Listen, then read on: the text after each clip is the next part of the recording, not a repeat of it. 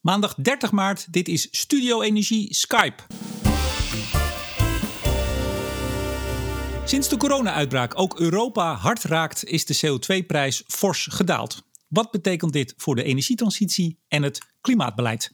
Dat vraag ik Jos Kozijnse, CO2 en ETS-specialist verbonden aan de Climate Neutral Group.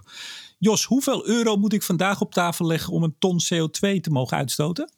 Ik dacht iets van 15. Dat is een goede vraag. Ik heb nog niet gekeken. Ik uh, zal het kijken terwijl we praten verder. Ja, dat zijn de dagkoersen. Vorige week zat het op de 16. Maar we komen van nou ja, eind februari zo'n 25, 26 euro per ton. Ja, 16. Dat, iets boven 16 nu, klopt. Dus dat is uh, 10 euro minder dan, uh, dan normaal. Ooit zo'n teruggang gezien? Ja, eerder, ja.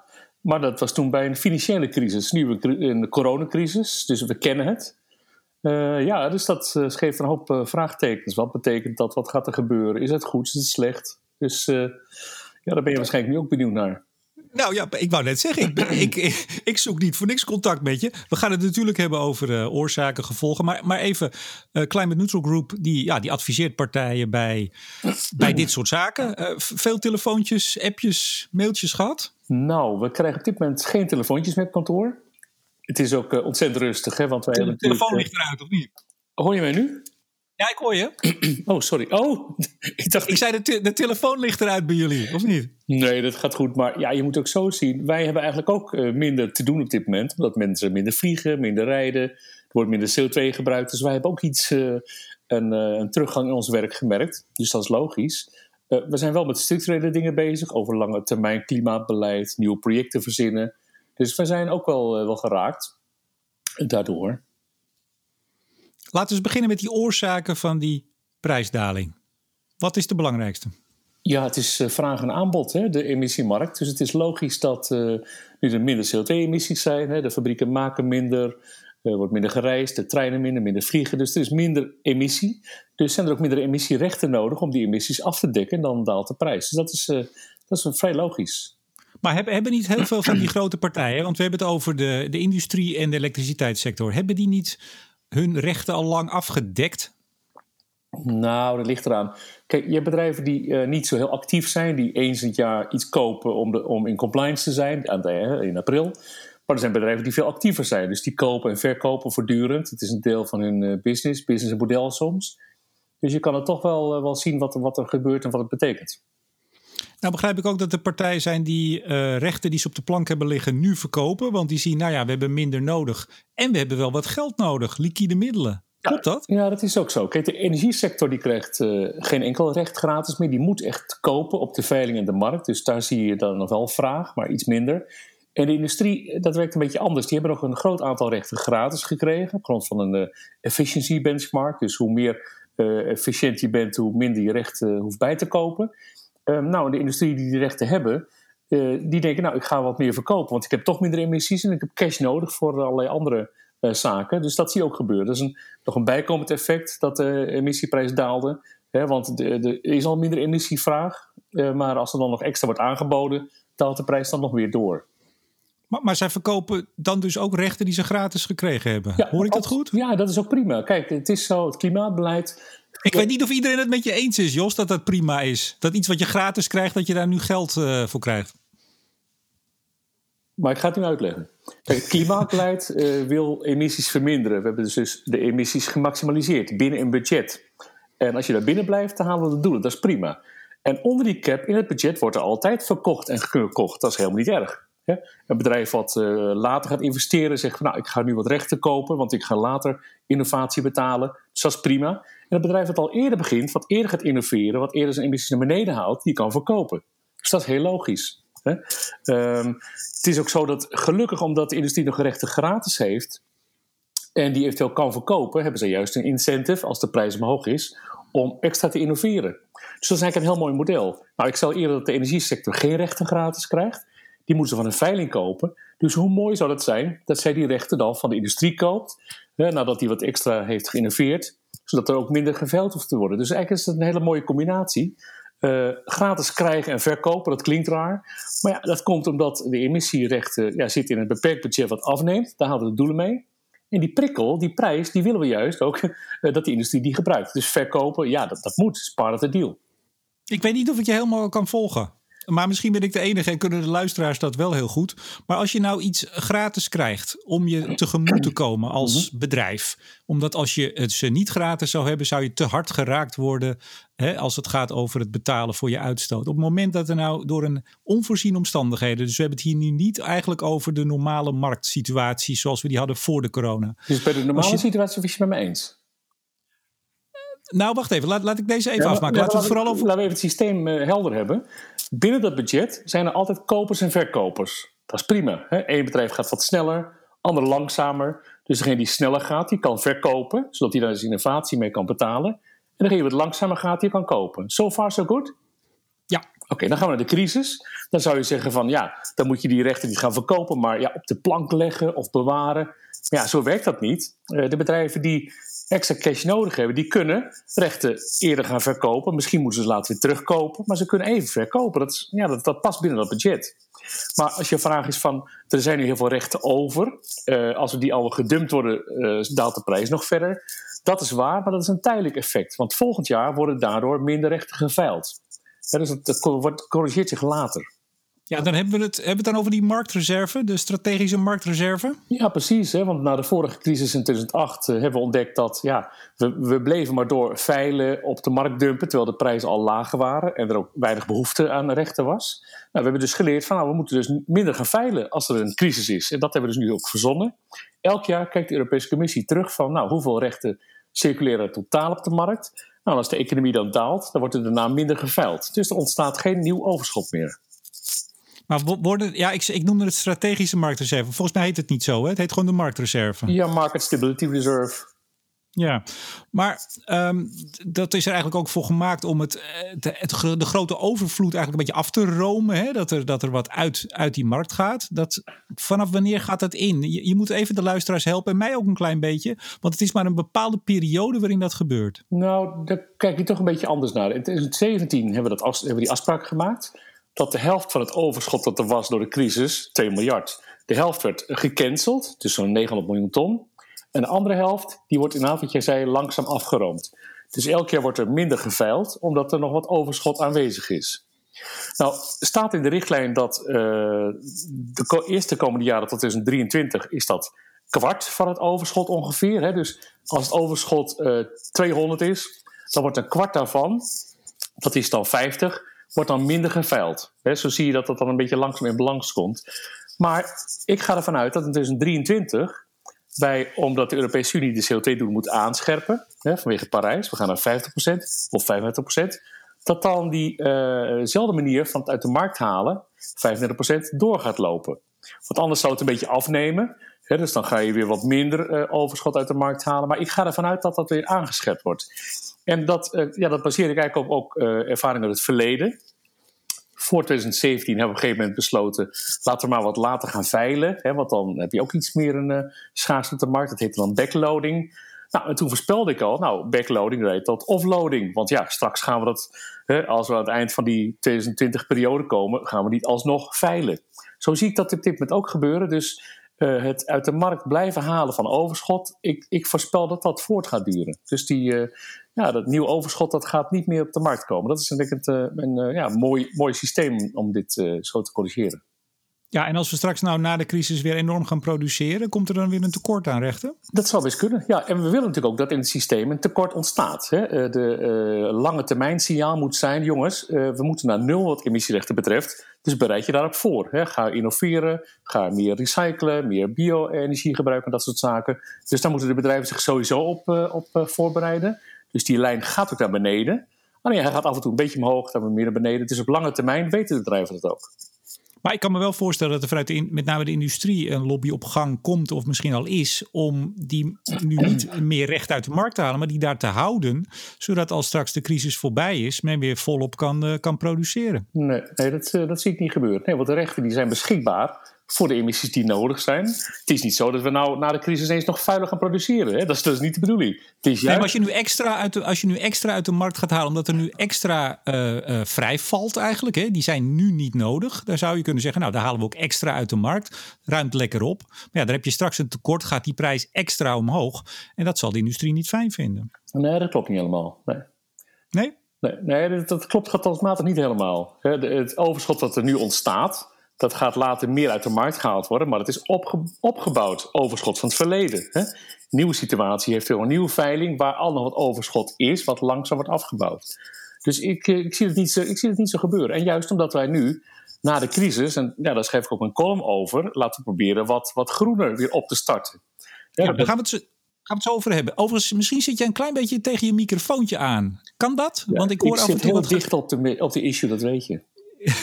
nee, tegen je microfoon, Jos. Ja, je microfoon. ik heb hem even voor me gehouden nu. Ja, heel graag. Want uh, volgens mij ging hij tegen je kraag of je, of je baard. Ik weet niet, hoe zit je erbij trouwens? Uh, ongeschoren of ben je fris en fruitig? Fris en fruitig, aangekleed. Ja, ik doe toch een beetje alsof het een echt kantoor is. Uh, ik ben met iedereen in gesprek. Ik kijk naar buiten. En ik ben aangekleed inderdaad.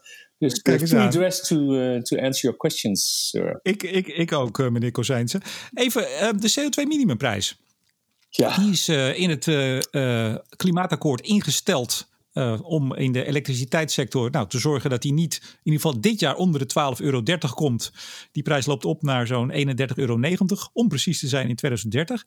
Even een hele gekke vraag misschien, Jos, maar is die eigenlijk al wet geworden? Want ik, ik dacht namelijk zelf van niet. Nee, nog niet. Maar hij zou 1 januari in hebben moeten gaan. Ja, maar dat duurt dan eventjes. Uh, het is nog geen Maar hij ligt nog maar bij de Tweede Kamer. Zelfs de Eerste Kamer is hij nog niet uh, ja. geweest. Dus dat is een uh, voordeel dan. Het is nog geen wet, want de, de, de NEA moet nog kijken, de emissieautoriteit. Wat precies die emissies zijn, wat de prijs dan wordt, hoe je de belasting gaat innen en hoe je het gaat berekenen. Dat is heel wat werk, dus dat is nog niet helemaal klaar. Maar laten we er voor dit gesprek even van uitgaan dat, dat die al zou zijn ingevoerd. Ja, dan zou die ja, dat is echt een, dat is een hele leuke vraag die ik stel. De vraag die al een beetje in mijn hoofd zat van... oh my god, hoe gaat het met die verplichte heffing in Nederland... voor de industrie en voor de elektriciteitssector? Want die speelde eerst natuurlijk geen rol... omdat de Europese prijs al hoog genoeg was. Maar ja, stel je voor dat die Europese prijs daalt. Gaat dan die nationale heffing uh, geïnd worden? Ja, nou, zeg het maar. Nou, dat lijkt me echt gekkigheid. En ik heb ook altijd gezegd van... jongens, die Nederlandse heffingen... die zijn uh, bedoeld hooguit als prikkel om te lobbyen in Europa. Hè, dat Europa die scherpere doelen gaat eh, afspreken. Nou, dat gaat, gaat men nu ook doen. Hè. Men wil naar 50 of 55 procent. Heeft de Green Deal ook uh, verteld. Timmermans is hard aan het werk. Dus we gaan ervan uit dat daar Europese doelen komen. Nou, dan is het dus level playing field. Dan hoef je er geen Nederlandse heffing meer in te voeren. Dus ik zou zeggen, dit is het moment als het aan de orde komt om het ook uh, ja, te skippen, zou ik zeggen. Maar, maar even terug, hè. 12,30 euro. We zitten nu dan op zo'n 16 euro. Stel hij zou ingevoerd zijn, of misschien worden. Hè? Ja, alles staat natuurlijk op losse, uh, losse hoe, hoe, heet dat? Op losse, losse groeven. Schroeven. Ja, precies. Um, en hij zou op de 11 komen. Ik, zeg maar wat. van zingen, maar. Uh, ja, dat, uh, dat weet je, dat weet iedereen. Um, stel hij komt op de 11, da dan zou, zouden elektriciteitsbedrijven 1,30 euro per ton moeten aftikken. Um, ja, moeten aftikken. Ja, dat zou, dat zou, dat zou toch raar zijn. Dan kost het veel meer geld in Nederland om energie op te wekken. Dus gaat er meer geïmporteerd worden. Nou, dan heb je de emissies weer. Dus dat is eigenlijk een beetje raar. Bovendien, dan de industrie moet dan die stroom kopen, want we willen dat ze meer elektriciteit gaan gebruiken in plaats van gas en olie. Nou, voor hun is die stroomprijs ook weer hoger, moet je weer compenseren. Ja, dat is een gekkigheid. Je gaat dan een hoop slepen met geld. En waarom? Want dat leidt niet tot minder emissies. Nou ja, waarom? omdat, er, omdat er in het klimaatakkoord uh, is afgesproken. Ja, D66 voorop. De partijen, we moeten een minimumheffing, we moeten een prikkel. Dat was het toch, Hartstikke mooi. Maar toen heb ik altijd gezegd, jongens, kijk eens naar Europa. Een breder perspectief. Het gaat over klimaatbeleid. Dit is een crisissituatie, dus dan moet je ook maatregelen nemen. De maatregelen nu zal zijn, geen Nederlandse heffing. Dat is gekkigheid. Het helpt klimaat niet. Het maakt onze economie ook lastiger. Dus ik zou dit gewoon niet doen. Maar eh, vorige week hoorden we eh, het kabinet eh, bij monden van minister Wiebes zeggen... die extra maatregelen voor Urgenda. Nou, dat, het was een heel kort itempje bij het NOS-journaal. 23 seconden om precies te zijn.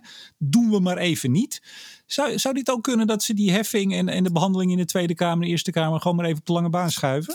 Nou, lange baan. Ik denk dat het agenda-vonnis uh, stopt natuurlijk. Hè, want dat ging alleen maar over 2020. Hè, van laten we nog een hoop geld uitgeven om nog dit jaar die 35% te halen in plaats van 20 of 19 wat we dan halen. Nou, dat... Sorry Jos, sorry, daar komen we zo op. Nee, ik, ik, ik formuleerde mijn vraag verkeerd. Ik bedoel, zou het kunnen dat die CO2-minimumprijs, die nu dus nog in de Tweede Kamer er nog niet doorheen is en nog door de Eerste Kamer moet, dat ook die uh, gewoon op de lange baan nu wordt geschoven? Ja, of misschien een amendement dat dat voorwaardelijk wordt gesteld van Europese ontwikkelingen, want die zijn er gewoon nu. Dus dan kan je nog steeds de intentie houden dat het in Nederland dan moet als Europa afhaakt. Maar ja, Europa, alle tekenen zijn dat het wel die gezamenlijke kant opgaat. Dus dan zou je, dat zou je moeten amenderen. Hè? Uh, ja, lerende van waar we nu zijn. Ja, en dat, dat, die agenda-maatregelen, want daar begon je al over. Dat is ook een goede vraag. Ga, ja, ga door. Nou ja, dat, dat, dat vond ik al een beetje waanzinnig. Omdat, nou, stel je voor, hè, je gaat die. Een beetje waanzinnig, dat is wel een mooie uitdrukking. Ja, niet, niet te waanzinnig. Want het, is allemaal, het zijn allemaal slimme mensen die het hebben verzonnen. Maar ja, het is toch ook al politiek gedreven. Ik was het daar nooit eens mee als jurist. Want ik volg al twintig jaar de emissieonderhandelingen en het klimaatverdrag, uh, Europese akkoorden. Dat is allemaal juridisch verbonden. Hè? Dus Nederland was verplicht om 20% te reduceren. Ik vond het altijd raar dat juridisch dan op eh, wetenschappelijke gegevens een verplichting van Nederland hanteert. Maar af, uh, die verplichting is er, dat vonnis is er. Maar ja, uh, twee dingen zijn mogelijk. Het kan zijn dat we als Nederland die doelen wel halen hè, van de agenda, omdat de emissies toch 20 of 25 procent minder zijn dit jaar. Dus we halen dat misschien nog wel. En aan de andere kant is, ja, is dit al het moment om extra geld uit te geven om nog binnen een half jaar, meer een jaar is er niet, om extra reducties te realiseren. Die dan contraproductief vaak werken met de stroomimport en dat soort dingen. Dus ja, ik pleit eigenlijk voor om wat meer realisme. Uh, ga gewoon wat, wat beter kijken naar echt het klimaateffect, Europees. Uh, ja, maar Jos, dat, dat, dat schip is gepasseerd zoals het in het Engels heet. Uh, crisis, crisissituatie betekent kijk er opnieuw naar. Kijk waar onze emissies uitkomen. Want ze komen natuurlijk lager uit dan eerst. Dat is mooi. Nou, tel je winst, laat ik maar zeggen. En ga er niet extra geld uitgeven om, om die reducties aan te jagen voor december. Kijk dan naar de langere termijn. Doe allemaal mooie dingen daar. En Europees, ik zou zeggen, laat dit zitten. Dat is crisis en dan mag je dat ook doen. Maar impliciet zegt het kabinet eigenlijk ook dat de maatregelen die ze dan misschien uh, zouden voorstellen, ja, uh, morgen uiterlijk, hè, voor 1 april, dat die dus het bedrijfsleven raken. Want het was eigenlijk van, ja, daar komt er nog eens bovenop de huidige crisis. Met andere woorden, het is niet een positief iets wat er dan voorgesteld zou worden. Het zou, het, zou de bedrijven raken. Tuurlijk, dat is natuurlijk altijd de consequentie. Want eh, we zouden moeten aanjagen nog sneller. Dus dat betekent dat je extra moet innoveren, extra dingen moet gaan sluiten. Dat betekent capitalvernietiging, zal ik maar zeggen. Uh, dus ja, dat, dat zou er nadelig zijn. Tenzij natuurlijk die move doet die ik steeds voorstel van gebruik naar carbon credits. Hè. Dat zijn reducties in andere landen die gerealiseerd zijn. Neem de, neem de duurzaamste, dat is een stuk goedkoper. En je laat mij ook zien dat je het perspectief is mondiaal. Dus dat zou ook nog een mogelijkheid zijn. Maar in die zin, misschien halen we die 50% wel. Hè, dankzij of ondanks of wat dan ook door de crisis. Maar dan moet er wel heel veel, hè? want er, wordt al wat aan gerekend. Hè? Wegverkeer, geloof ik, de helft minder. Maar dan nog praat je maar over uh, tienden van megatonnen, geloof ik. Hè? Of althans, nee, per week tienden. Ik, ik, zie nog niet dat we het echt redden. Die, ja, ik die verwacht megatonnen dit jaar. Dus laten we het gewoon afwachten. Laten we het afwachten en dan kun je het altijd nog lager doen. Ja, hey, die carbon credit, zeg maar in het buitenland, dat mag toch niet voor het Urgenda Fonds? Of is, daar is altijd nog een beetje strijd over, hè? of het nou wel of niet. Jij zegt het mag wel, en ik zie andere juristen die zeggen nee hoor, het mag niet. Het mag wel. Het enige wat niet kan, eh, denk ik, is dat mensen zeggen: Urgenda heeft dat niet gevraagd. Hè? Dus dan eh, mag dat niet, want je moet ze geven wat ze willen. Maar ja, kijk, andere landen zoals Zweden, Noorwegen, Zwitserland, die gebruiken ook die buitenlandse credits om die CO2-doelen 2030 te 2020 te halen. Dus dat mag gewoon. Uh, de rechter verwees ook naar die effort sharing decision, weet je wel. Dus over de reductieverplichtingen van de Europese lidstaten in de niet-ETS, niet-emissiehande sectoren. Ook daar staat in, daar mag je dus die CDM-credits voor gebruiken. Dus ja, het mag juridisch. En het is zo dat in het Kyoto-protocol is gewoon vastgelegd dat reducties via credits gelden als nationale reducties. Dus ja, het is gewoon een definitiekwestie. Het mag gewoon. Nee, maar het staat niet in het vonnis, toch? Het staat niet in het vonnis, dus het wordt niet, het wordt niet verboden. Het wordt niet uitgesloten. Dus dan zou ik zeggen, dan mag het dus. Uh, juridisch mag het. En daarbij, het gaat eigenlijk om, het is een civiele zaak. We moeten onze burgers beschermen tegen klimaatverandering, tegen verscherpte klimaatverandering. Nou, dan moet je dus iets doen wat echt werkt. Terwijl het zou raar zijn dat je dan een Nederlandse kolencentrale sluit en een kolenstroom importeert wat juist niet het klimaatprobleem helpt. Terwijl die mooie credits die ik zie, die hebben tot reducties geleid, die helpen wel. Dus ja, ik, ik pleit tot iets meer verstandige eh, blikken en iets meer ruime perspectief op dit punt. Hou nog even je microfoontje een beetje weg bij, uh, bij andere zaken, want je stoort er weer een klein beetje. Dan heb ik nog één vraag voor je. Uh, de CO2-heffing voor de industrie, daar hebben we het nog niet over gehad. Daar zou deze, of uh, april geloof ik, zou daar een voorstel van moeten liggen. Wat hoor jij in de wandelgangen, hoe ver het daarmee is? Ik heb daar nog weinig van gehoord. Het is een verstandige heffing. Um, het, komt, het is een beetje zo dat we waren nog aan het wachten op wat, uh, wat efficiency uh, ja, zijn van de, de Nederlandse industrie. De, de emissieautoriteit heeft bekeken wat emissies waren, gekeken naar de productie, om te kijken wat dan die benchmark precies is, wat de efficiency norm is van Nederlandse bedrijven. Ja, en wat dan vermijdbare CO2-uitstoot zou zijn. En daar zou dan die heffing over worden geheven. Exact. Dus we zouden eerst, volgens mij is die bijna nu al klaar, die studie zien. Van nou, hoe, hoe staat de Nederlandse industrie ervoor? Wat is vermijdbaar? En dan ga je daar bovenop die heffing uh, zetten. Nou, dat is een exercitie die nog uh, moet plaatsvinden. Maar je zei, je zei net bij de, de CO2-minimumprijs, nou, daar was je niet een fan van. En dan zeg ik het netjes. Nu heb je het toch wel over een verstandige heffing die voor de industrie. Ik dacht dat je zou zeggen, maar alles wat we extra bovenop het ETS doen is onverstandig. Maar dat vind je dus niet. Nou, ik heb alleen gezegd wat de stand van zaken is. Hè. Dat is de stand van zaken. Dus dan komt het in de Tweede Kamer. Maar ook daar was eigenlijk de, de, ja, de prikkel van ga kijken wat Europa doet. Hè? Want het zou een, uh, we willen graag dat de Nederlandse industrie iets voor gaat lopen, zodat de rest meegaat. Nou, als de rest dan ook meegaat, hoeft dat niet meer. Dus dan zou ik zeggen, ja, laat dat ook achterwege. Oh, ik dacht dat je, ik dacht, ik schreef snel mee verstandige heffing, dacht ik dat je dat zei. Maar misschien dat was een verstandige heffing, maar de verstandige uitvoering zou nu zijn, ook even laten zitten nu. Kijk even wat er verder om ons heen gebeurt. Ja, zo gek is dat niet. Maar die Green, die green Deal, als je nu ziet, bedoel, wij, zitten in Nederland nog een stukje achter Italië en Spanje. Maar als wij dezelfde kant op gaan en ook andere Noordwest-Europese landen, hoe zie jij die, eh, die Green Deal tot uitdrukking komen de komende, ja, het komend jaar? Wordt niet alles gezet straks op gewoon uh, het economisch herstel in Europa? Jawel, dus daarom moet je kijken naar hoe kan je dat combineren met, met uh, innovatie, met CO2-reductie, met groene groei. Dat, dat is volgens mij wel te doen. Maar het, uh, het, hele voordeel van de Green Deal is dat je het gecoördineerd doet. Kijk, we kijken allemaal naar die kolencentrales aan. Die moet je sluiten, die moet je uitfaseren. Maar waarom dat dan niet wat meer Europees doen? Dat is ook wat, wat, het in het, wat in het Oostenrijkse regeerakkoord stond. Van laten we in Europa afstemmen hoe die kolensluiting nou plaats gaat vinden. Want anders krijg je die kolenstroom weer geïmporteerd. Dus iets met dit soort dingen coördineren, plannen maken per sector, dat helpt al stukken. Dus meer met samenwerking, dan kan je toch nog verscherpen. Nou, dan natuurlijk die groene groei. Je ziet bijvoorbeeld KLM, die, die heeft die, die, die oudste vliegtuigen al uh, aan de grond gezet, sowieso. Uh, dus dat scheelt al. Nou, verschillende sectoren kunnen ook zo opereren. Omdat gewoon de vraag kleiner is, de consumptie is kleiner. Dus doe dan vooral de consumptie, de productie met hetgene wat het schoonst is. Dat ja, is... Maar KLM heeft alleen maar die, die uitfasering van de 747 ietsje naar voren gehaald. Hè? Dat, die stond al op de rol voor nou, binnenkort. Tuurlijk, maar dat is maar een voorbeeld. Hè, van elke sector zou nu moeten kijken... oké, ik ga gedeeltelijk weer opstarten... want dat gaat niet gelijk 100% doe het dan op de schoonst mogelijke manier. Nou, dat kost wat moeite, kost effort, daar zou ik vooral op, storten. Ik heb ook gelezen dat China zegt van nou, we vergeten even de milieunormen, ga lekker stoken, hè, we moeten produceren. Nou, dat zouden wij nou niet moeten doen. En even blij zijn met de consumptievraag, wat kleiner is. En ja, zo groen, zo CO2-neutraal mogelijk weer opstarten. Ja, het is een uitdaging, we moeten het proberen. En dat kan je als je dat coördineert. Dus ik zie daar wel een kans in.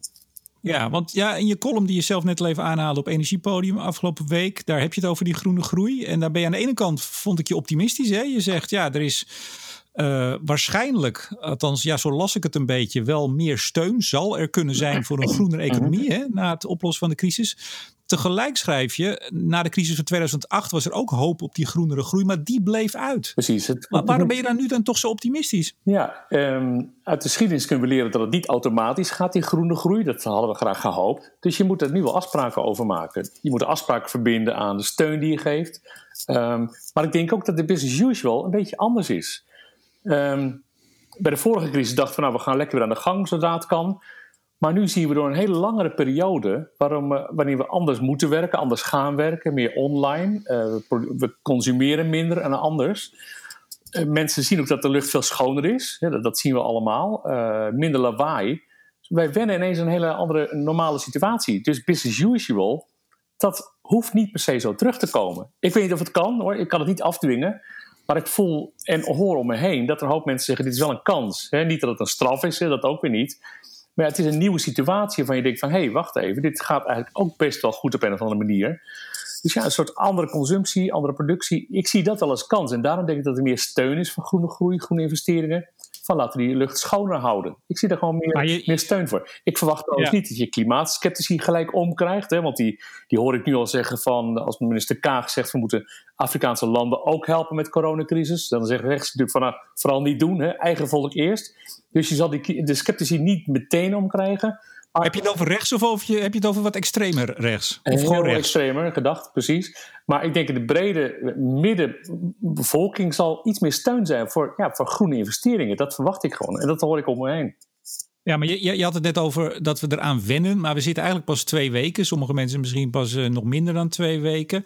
Is het ook niet zo dat we nu ja, gedwongen er, er, een beetje aan wennen? Dat beeld kan ontstaan. Maar dat zodra we weer naar de cafés en de bars mogen en alles weer gewoon lijkt, we gewoon weer op de oude voet verder gaan? Ik weet het niet. Omdat we er zo ontzettend bij betrokken zijn. We zijn nu zo ge, geconfronteerd dat het mondiaal is. Het is overal. Dus je kan niet afhaken. Je kan niet zeggen het gaat ons voorbij. Maar het is net als, alsof er gewoon iets heel nieuws gebeurt wat je nooit meemaakt. Dan maak je dat van minuut op minuut mee. En dat doen we nu ook. We zijn er zo bewust van wat er gebeurt. Hey, meer dan bij de vorige crisis. Hè. Hadden we dat niet zo. Uh, dat, ja, ik denk dat het een hoop verandert in uh, hoe mensen daar naar kijken.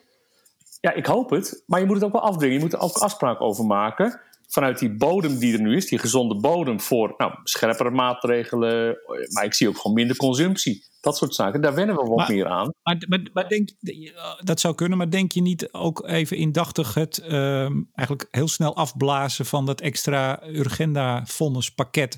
Dat op het moment dat al straks weer de, de, de, de, regels wat, wat minder strak hoeven te zijn en we alles gaan zetten op het weer opbouwen van de economie, dat er ja, ook dan dus juist geen uh, blik op dat groen is. Gewoon zo snel mogelijk maar weer die fabrieken laten draaien, zo snel mogelijk iedereen weer aan het werk.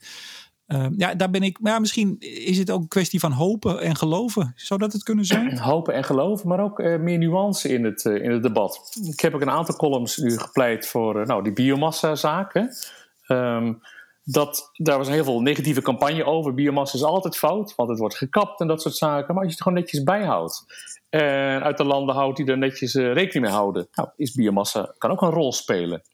Dus ja, ik, pleit voor iets meer flexibiliteit. Uh, van dat je dus alle reductiemogelijkheden die je hebt mag gebruiken. Dus dat je daar wat minder politiek in bent, wat minder uh, radicaal zou ik maar zeggen. Als je meer de industrie probeert mee te krijgen, ja, dan zie ik er wel een goede voedingsbodem in. Dus, ja. Maar, maar jij staat ook bekend als, als de optimist hè, in de energie- en klimaatwereld. Ik weet het niet. Wat betekent optimist? Nou, dat je, dat je het wat vaker van de zonnige kant ziet. Jij bent soms optimist tegen de klippen op en dat, dat, dat waarderen we in je, Jos. Nou, ik ben professioneel op zoek naar mogelijkheden. Ik ben professioneel op zoek naar opportunities. En die zie ik gewoon nu weer en die gebruik ik dan ook weer. En uiteindelijk ben ik alleen geïnteresseerd in de uiteindelijke CO2-reducties. Uh, in de Europese Unie als geheel. Hè. Uh, ik liep ook aan tegen een artikel in de Trouw vorige week. Die zei, nou, dit zijn de vuilste sectoren. Hè. En dan denk ik van ja, wacht even, dit is alleen naar Nederland gekeken. In Europa worden wij toch gezien als innovatief, uh, energie-efficient in de productie. Dus kijk naar de productie per liter melk, productie per ton product. Dan ja, maar Joost, Joost, dat, even zeggen. Um, ja. Dus opportunist ben ik, omdat ik kijk binnen Europa halen de CO2-doelen. Kijk dus niet te negatief naar de Nederlandse sectoren, want wij doen het voor Europa. Totale reducties halen we binnen. Dus zo zie ik ook uh, dat het lijkt alsof ik dan minder radicaal in Nederland wil acteren. Maar ik wil wel radicaal Europees wat CO2 betreft uh, acteren. Nou, dan ben ik misschien optimist dat we het halen. Maar ik kijk naar het totaalplaatje. En dat mist vaak bij het Nederlandse debat, Nederlandse politiek en Nederlandse media. Ja, maar dat hebben wij. Uh, we hebben nog niet zo lang geleden een podcast samen gedaan. Toen ik nog bij jou op kantoor mocht komen. Ja, dat kon toen nog, Jos. Dat is toen niet zo lang geleden. Niet meer. Nee. Um, toen stelden we vast dat juist dat Europese perspectief waar jij vaak voor pleit, en je bent ook niet de enige natuurlijk, dat dat nou juist zo ontbreekt. Uh, en, en dat maakt mij persoonlijk, om het dan maar even uh, daarop te, te zetten, uh, minder optimistisch. Ja, maar het blijkt ook gewoon nodig dat je Europa meekrijgt. Dus de, de, boodschap blijft hetzelfde. Nou, toen pleit ik voor dat er moet eigenlijk een verstandige heffing komen. Nou, die kwam er ook. Hè. Er kwam een heffing van vermijdbare emissies boven die benchmark. Toen dacht ik, nou, dat is mooi, want dan linkt men het toch, men koppelt het toch aan het Europese emissiehandelssysteem. Nou, daarna is er ook gebeurd dat Europa gaat pleiten voor misschien minimum CO2-prijzen, ehm, scherpere doelen. Nou, toen was het bewezen dat dat kan werken. Nou, dan vervalt, uh, ja, dan vervalt daarmee een deel van, van jouw zorg. Nou, er is een Europees uh, pad al uitgestippeld. Dat is het verschil ten opzichte van onze vorige ja. gesprek. Jos Kozijnse van de Climate Neutral Group. Dankjewel voor dit gesprek. Dank je, fijne dag. Mijn naam is Remco de Boer. Graag tot morgen bij Studio Energie Skype.